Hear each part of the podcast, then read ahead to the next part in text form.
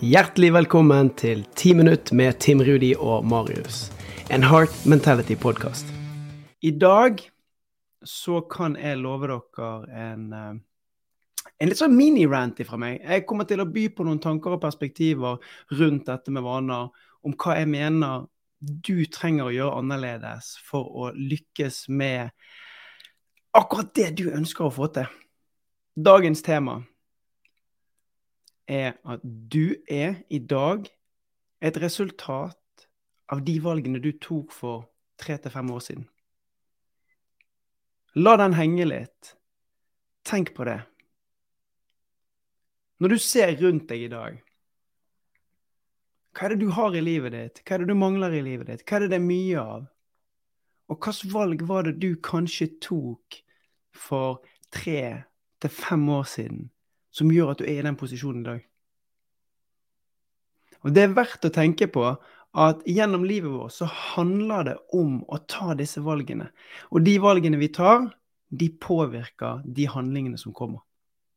For det jeg har lyst til at du skal være mer bevisst på fra og med i dag, det er at hvis du ser fem år frem i tid, hvilke valg er det du kan ta i dag som setter deg der du ønsker om fem år? Hvilke valg er det du kan bestemme deg for å gjøre i dag, som skaper den virkeligheten, den hverdagen og det livet du ønsker for deg sjøl om fem år? Utfordringen er at jeg antar at du av og til så jager du det perfekte. Når du skal gjøre denne endringen, når du skal endre vanen din, når du skal ut og Du har fått mindset-trening, du har fått meditasjon hos Anja, og nå skal du ut og ta action, så leter du etter det perfekte så leter du etter det at det faktisk skal være helt strøkent hver gang. Men det er faktisk ikke det det handler om. For når vi ser endringene våre, ikke bare i to uker, i en måned eller i tre måneder, hvis vi ser det over ett år, tre år, fem år, så er det det vi gjentatt gjør, som skaper endringen. Consistencyen. Og når vi gjør ting gjentatte ganger, så skaper vi òg momentum. Når dette hjulet begynner å rulle, og det går fortere og fortere og fortere, så kommer resultatene. Og det er det som er så kraftfullt. Og jeg har lyst til å utfordre deg i dag. Fordi at vi har snakket så mye om teknikken, strategien, bakgrunnen for vaner. Hva sier forskningen? Hvorfor er det sånn? I dag så handler det om å sikre det gjentagende. Sikre momentumet i det arbeidet du skal gjøre, til og med på de dagene du ikke har lyst. Så bestem deg for det. Hva er det jeg trenger å gjøre hver dag i dag for å komme dit jeg ønsker om tre til fem år? Og det fins et, et, sitat fra Bruce Lee, og det syns jeg passer veldig godt inn i dagens tema. For han sa det at han frykter ikke den mannen som har gjort 10 000 ulike versjoner av et spark. Men han frykter den mannen som har gjort ett spark 10 000 ganger. Og jeg vet at der vi er nå, tidlig på høsten, og vi skal endre vaner, kanskje du har prøvd tidligere, så har vi prøvd ulike strategier, vi har prøvd ulike måter å gjøre det på. Og så kanskje vi ikke får den progresjonen og fremdriften som vi ønsker.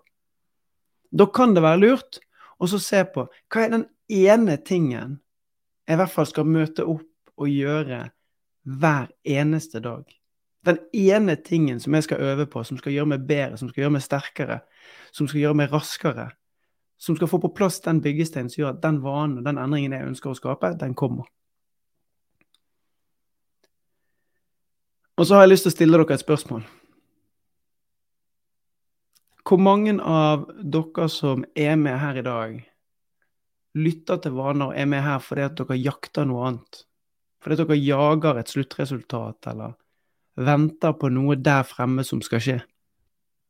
Utfordringen er at mange ganger så tenker vi at først når jeg kommer dit, så skal jeg få. Først når jeg kommer dit, så skal jeg føle. Først når jeg, så. Det er bakvendt. Hvis vi i dag starter med å se oss rundt og kjenne på takknemlighet for det vi har Hvis vi kjenner at vi allerede er der Vi er allerede på endestasjonen. Jeg har fått tatt en kopp kaffe på morgenen. Jeg har fått tatt en varm dusj. Jeg har et arbeid jeg kan gå til. Jeg har, noe, jeg har noe rundt meg som jeg setter pris på. Hvis vi begynner å leite etter i takknemlighet de tingene som er rundt oss i hverdagen, så er vi allerede på endestasjonen. Og når vi er der og vi setter pris på det, så blir det lettere å jobbe med de tingene som beveger oss fremover, uten at vi skal jage det. Og Det er litt sånn at den som har alt, savner ingenting. Men den som ikke har noen ting som helst, savner alt. Og setter pris på alt. Den som har alt, setter ikke pris på noen ting. Men den som har ingenting, setter pris på alt. Det å være lykkelig, det er Det er jo en tilstand, en opplevelse, det er en følelse. Det er noe som vi jager på innsiden av kroppen vår. Det er noe som vi leter etter i et sluttresultat. Og grunnen til at jeg har lyst til å ta det opp nå, er fordi at uansett hvilken vane du ønsker å endre, så pass på at ikke du tenker at først når jeg gjør det, så blir jeg lykkelig. For det, det å være lykkelig, det kan du faktisk bestemme deg for nå. Hvis du sier til deg sjøl 'jeg er ikke lykkelig', så har du mest sannsynlig rett. Hvis du sier til deg sjøl 'jeg er lykkelig', så har du mest sannsynlig rett òg. Så du kan faktisk bestemme deg for å fylle hjertet, for å fylle kroppen og hjernen og alt med det språket som du ønsker. Jeg har det faktisk fint nå.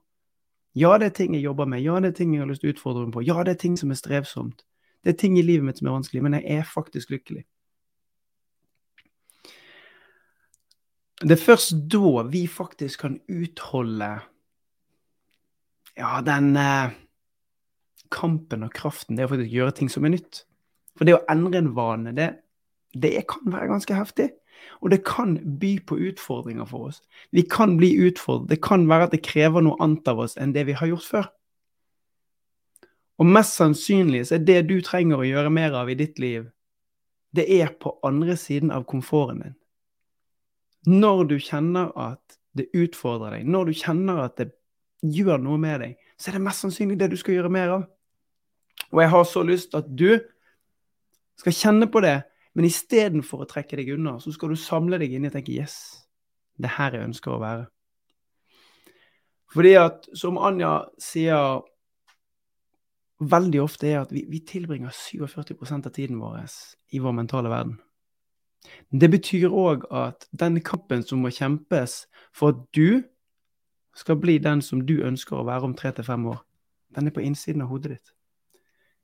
Det handler ikke om de eksterne faktorene, det handler ikke om hvem du har rundt deg som påvirker deg, det handler om den kampen du må gjøre med deg sjøl. Og først når du er blitt venner med den indre fienden, først når den indre fienden er blitt stilnet, om det er i fred eller du bare har kjempet den litt ned, så spiller det ingen rolle hvordan verden på utsiden ser ut. For da står du stødig i det. Og da er noen av de triksene vi kan gjøre, det å stå i dag og så kan vi tenke at vet du, jeg har det fantastisk fint. Jeg er takknemlig. Og fylle på det. Se rundt oss alt det som er i livet vårt som er verdt det. faktisk si at ok, men hvis, hvis, jeg bare skal være her, så er faktisk det fint òg. Å kjenne på den lykken det gir å teppe inn i de tankene.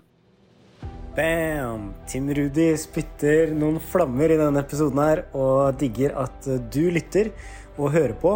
Og vi har fått ganske mange meldinger etter den forrige episoden om eh, Memento Mori. Husk at eh, du skal dø. Fått mange som har fått eh, endra tankene sine og fått et nytt perspektiv. Så det betyr utrolig mye, det at du sender oss melding, tagger oss på Instagram og legger inn en review eller hva det måtte være. Det betyr masse, så tusen hjertelig takk for det. Og vi lager den podkasten her for deg, så det hjelper oss jo faktisk med å komme litt opp på listene, og at flere kan få lære de strategiene, lære om personlig utvikling og lære hvordan de kan følge drømmene sine. Og det er jo vår store drøm, så tusen takk for at du er her. Håper du tar i bruk noen av de tipsa som Tim Rudi kom med i dag, fordi at sjansen er ganske store for at du kan få til ganske mange fete ting. Så jeg heier på deg. Tim Rudi heier på deg. Vi snakkes i neste episode.